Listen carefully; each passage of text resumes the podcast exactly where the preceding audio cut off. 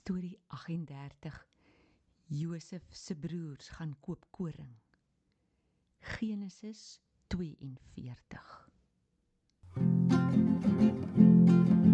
Lekker lekker storie tyd. Die Bybel vat ons ver en wyd. 'n Stories van die ou ou tyd God se liefde vanaf daardie tyd. Sy liefde loop deur ons eie tyd tot Jesus kom vir die ewigheid.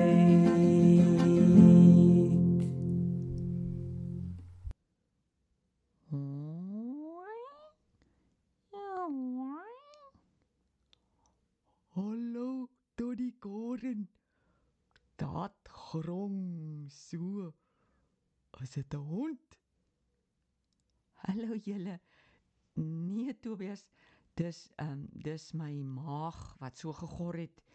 Ek dink ek moet ietsie eet dat hy kan ophou raas. Tony se nog roos mos hort.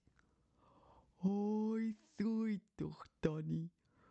Hoe hard moet die mense se ngogies raas as daar hongersnood is? Ja, hongersnood moet verskriklik erg wees. Tobias, ek het vandag 'n storie oor hongermense. Regtig? Dis ook die dat Danny se ngog so roos. Vertel. Die das honger. Julle onthou dat Josef onderkoning van Egipte geword het en baie koring gebeere het? Nou ja, toe die hongersnood in Egipte kom, was daar ook baie ander lande met hongersnood. Tot by Josef se pa en broers was daar later niks meer om te eet nie. Eendag sit Jakob en kyk so na sy mense en sê: "Uh, hoekom sit julle so vir mekaar en kyk? Uh, ek het gehoor daar is graan in Egipte te koop. Gaan soontoe en koop vir ons koring dat ons maak kan ophou gor van die hongerte. As dit so aanhou, gaan ons nog doodgaan van die honger." Die broers dink toe dis 'n goeie plan en 10 van hulle en nog ander mense sit af Egipte toe met hulle donkies. Al die broers het gegaan behalwe Benjamin. Ek wonder of hulle vir Josef te sien gekry het in Egipte. Wel, Josef was mos nou in beheer van Egipte. En wie het self die koring verkoop? Niemand anders as Josef nie. Sy 10 broers moes toe tot by Josef self gaan en het diep voor hom gebuig. Toddy het Toddy gesê voor hom geduig. Is dit Toddy dat sy droom daai jare gelede was nie? Kan dit waar wees? Ja, julle.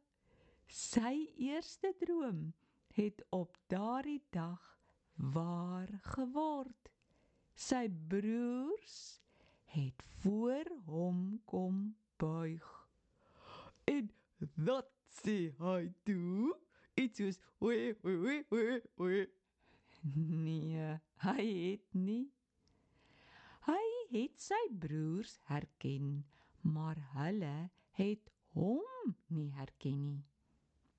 Hy wou hulle eers toets voor hy vir hulle vertel wie hy is. Maar dat het hy dan gesê? Hy het in die Egiptiese taal op 'n streng manier met hulle gepraat en iemand het vir hulle getolk in Hebreëus. Waar kom julle vandaan? Julle is mos spioene wat kom rondloer waar julle later ons land kan kom inval. Die broers het geantwoord dat hulle nie spioene is nie. Hulle is eerlike mense wat net kom graan koop. Hulle het almal een pa. Hulle was 12 broers, maar een is dood en die ander een is by die huis. En hulle dis nie, hulle troot net hulle dooie droer nie. Ja. Josef sê toe dat hy hulle gaan toets om te kyk of hulle nie dalk spioene is nie. Hy gaan hulle almal gevange hou en een moet hulle jongste broer gaan haal. En net daar laat sluit hulle almal op vir 3 dae lank. Op die derde dag laat roep hy hulle. Ek dien God. Ek wil sien of jy eerlik is. Een broer gaan in die tronk bly. Julle ander kan huis toe gaan en vir julle hongermense gaan kos vat. Bring dan julle jongste broer.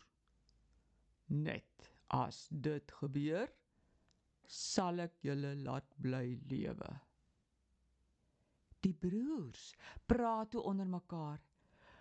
Dit kom nou oor ons omdat ons so lelik was met Josef. Hy het gepleit dat ons hom moet los. Maar ons het nie.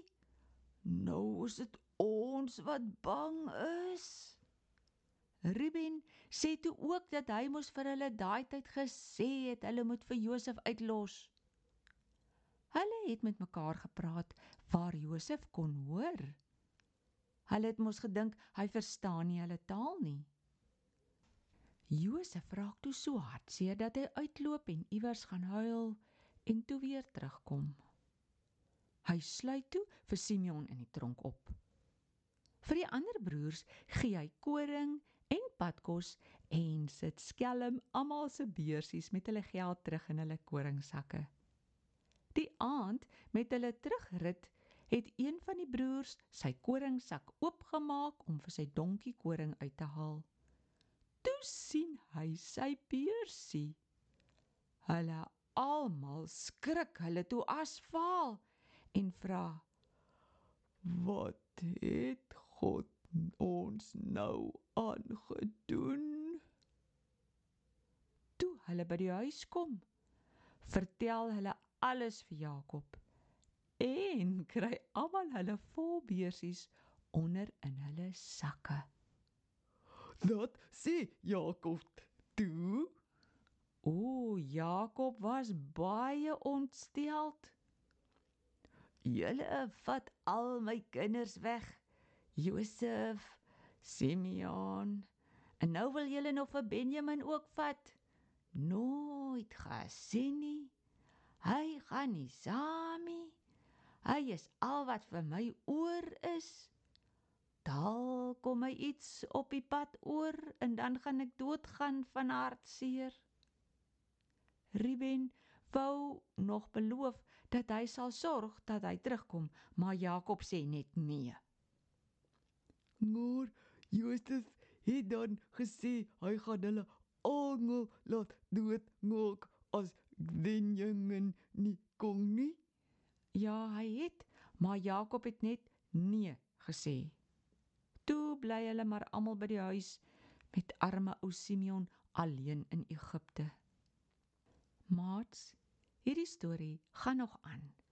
Maar ons storietyd van vandag is ongelukkig nou op. Julle moet asseblief weer kom luister want hierdie storie eindig baie mooi.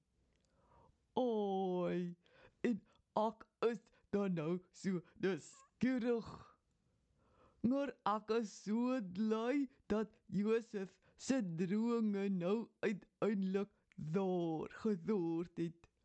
Hy moes lank gedog. Maar God weet dat hy wanneer doen. Dis fantasties, wonderlik. O, ons God is so groot. En dis waar Tobias ons kan bly glo.